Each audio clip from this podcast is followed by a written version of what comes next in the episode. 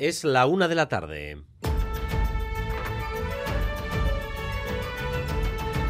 Crónica de Euskadi con Dani Álvarez. A Rachaldeón, el PNV y el PSE comparten con el Lendakari balance de la legislatura que está terminando. Las tres partes, Urcuyu, Ortúzar y Andueza, defienden la gestión del gobierno y las leyes aprobadas en los últimos cuatro años, subrayando que por encima de las diferencias que han mantenido, la lealtad ha sido la norma. Ainhoa Iglesia, adelante. Con la foto a tres que han dejado esta mañana el Lendakari y los máximos responsables de los dos partidos que conforman el gobierno, reunidos en Ajuria Enea, han querido escenificar la buena sintonía y satisfacción con los resultados de este gobierno bicolor. El Lendakari ha agradecido a ambos su apoyo leal a un gobierno, dice, que está dando sus frutos. El líder de los socialistas vascos, por su parte, ha valorado la estabilidad que ha proporcionado el Ejecutivo y la colaboración sincera entre ambos partidos. También el PNV se ha felicitado por el clima de colaboración, confianza y respeto de la coalición. Ortuzar, que ha reconocido a Urcuyu la positiva acción del Gobierno, destacando especialmente el elevado número de leyes aprobadas. Un balance que suena ya a despedida inminente. Ya enfilamos el trayecto hacia las elecciones vascas una vez que han pasado las gallegas, aunque todavía no tengamos la fecha.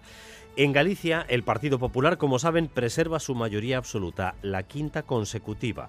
No habrá muchos lugares en Europa que puedan emular tal cosa, pero lo hace con el tablero removido tras el subidón del Bénega, un bloque que denuncia hoy la campaña sucia que se ha hecho en su contra y que avanza una legislatura de polarización y pulso con el Partido Popular de Alfonso Rueda. Enviada especial a Santiago, María Ruiz, adelante.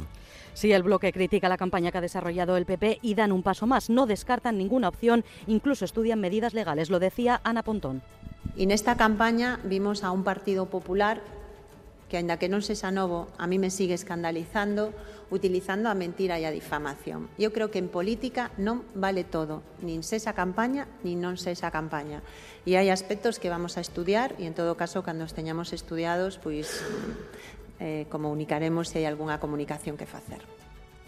Es el punto negativo de una lectura que ha hecho Ana Pontón en general positiva de los resultados obtenidos. El objetivo ahora es mirar hacia adelante. Los resultados son los que son, excelentes para el BNG, pero no suficientes para gobernar, pero los esfuerzos se centran ahora en mantener viva la ilusión desde el primer minuto. Al Partido Popular le salió bien la jugada de plantear una campaña dual. Rueda en Galicia mirando a Galicia, Feijó en Galicia mirando a España. El líder del PP se ve reforzado con respecto a un partido socialista que retrocede a su mínimo histórico. Y claro, el análisis del PP es que Sánchez recibe un castigo y el del PSOE que cada territorio es una cosa distinta. Madrid y Sarobaza. Y es que ahora empieza una nueva pugna, la del discurso. Para los populares, los resultados de ayer son la evidencia de que los gallegos y por ende todos los españoles rechazan la política de enfrentamiento de muros del gobierno. Sánchez ha perdido todos los duelos ante Feijó, dicen los populares. Sin embargo, los socialistas evitan hacer de momento una lectura en clave nacional. Admiten que los resultados son malos, sí, sin paliativos, toca hacer reflexión, pero descartan que la debacle del PSDG tenga relación con la política de convivencia del Gobierno y la ley de amnistía.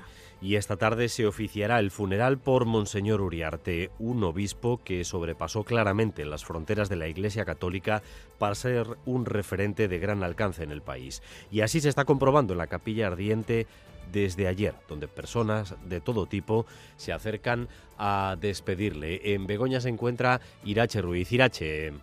Sí, a Rachaldeón son muchos los allegados, los fieles y los representantes políticos que se han acercado a despedir al que todos califican como un trabajador incansable y uno de los grandes artífices de la paz. A las tres y media cerrará el público la capilla ardiente, a las cinco misa funeral aquí en la Basílica de Begoña por Juan María Uriarte. Se ultiman a esta hora los preparativos, se prueba ya el sonido, porque aunque no haya parado de lloviznar durante toda la mañana, se espera que sea una multitudinaria misa de despedida de una de las figuras más relevantes de la Iglesia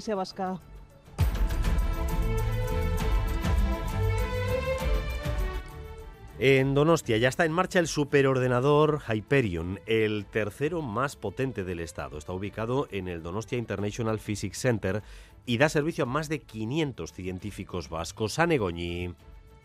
Permite simular la formación de galaxias, el comportamiento de nuevos materiales y el desarrollo en tecnologías cuánticas o de inteligencia artificial. Actualmente es el tercero más potente del Estado, con 14.000 núcleos y 150 terabytes de memoria RAM, aunque el objetivo es duplicar esa capacidad y lograr que Hyperion sea el segundo superordenador del Estado. El Departamento de Educación del Gobierno vasco ha destinado cerca de 3 millones de euros a la puesta en marcha de Hyperion. El año pasado 5.300 trabajadores vascos vieron cómo sus contratos temporales o a tiempo parcial se convirtieron en indefinidos gracias a la inspección de trabajo que detecta exceso de horas con mucha frecuencia. Natalia Serrano. El año pasado, sin inspección de trabajo, llegó a revisar más de 18.600 contratos en Euskadi. 5.300 eran fraudulentos, así que pasaron a ser indefinidos a tiempo completo. La reforma laboral, pero la lucha contra el fraude, decía Elema Gómez Barredo, viceconsejera de Trabajo, transforma nuestro mercado. Un mercado de trabajo donde el contrato indefinido es la norma y no la excepción, y donde la norma es cada vez más cumplimiento porque además los resquicios para el fraude son menores. Pero en ese mercado vasco de trabajo, un dato elevado, afloraron 514 infracciones por exceso de jornada, horas extras excesivas o ni tan siquiera llevar registro de horarios. Tras su exitosa gira la semana pasada por Austria, Euskadi Orquestra retoma su temporada de conciertos con un nuevo hito, el estreno de Chillida, Elogios, de Antonio Laucirica, compuesta en homenaje a Eduardo Chillida. Ha supuesto un reto y lo he disfrutado mucho porque a mí Chillida pues, pues, me ha gustado de, siempre. La verdad es que soy un fan de Chillida. Estamos hablando de dos medios expresivos artísticos diferentes. ¿no? En la escultura contamos al final con un objeto que se ve, se puede tocar, pesa y sin embargo en la música pues es una historia totalmente distinta. ¿no? Entonces bueno, sí que ha sido un reto intentar encontrar llaves que conecten un mundo con el otro.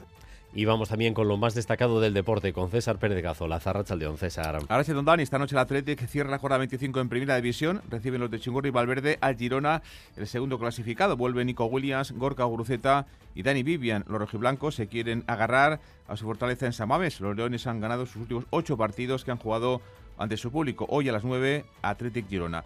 Y ha terminado la liguilla del parejas de pelota con los dúos Jaca y Mariz Currena y Pello Echeverría Zabaleta en semifinales. Los terceros semifinalistas saldrán del duelo entre Altuna y Martija ante Artola y Maz de este jueves en el Beotíbar de Tolosa, mientras que el último hueco en semis saldrá del perdedor de este partido y la pareja ganadora del Peña Alviso contra el Ori de Zusta el próximo viernes por la noche en el frontón de Amorebieta. Remiten las precipitaciones que teníamos especialmente en Vizcaya y en Guipúzcoa a primeras horas del día y se irán abriendo claros a lo largo de la tarde, aunque se mantenga algo de nubosidad en algunas comarcas.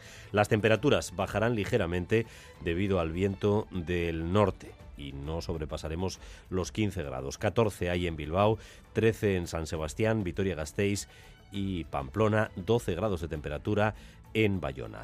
Gracias un día más por elegir Radio Euskadi y Radio Vitoria para informarse. Raúl González y José Ignacio Revuelta se encargan de la dirección técnica, María Cereceda de la coordinación. Crónica de Euskadi con Dani Álvarez.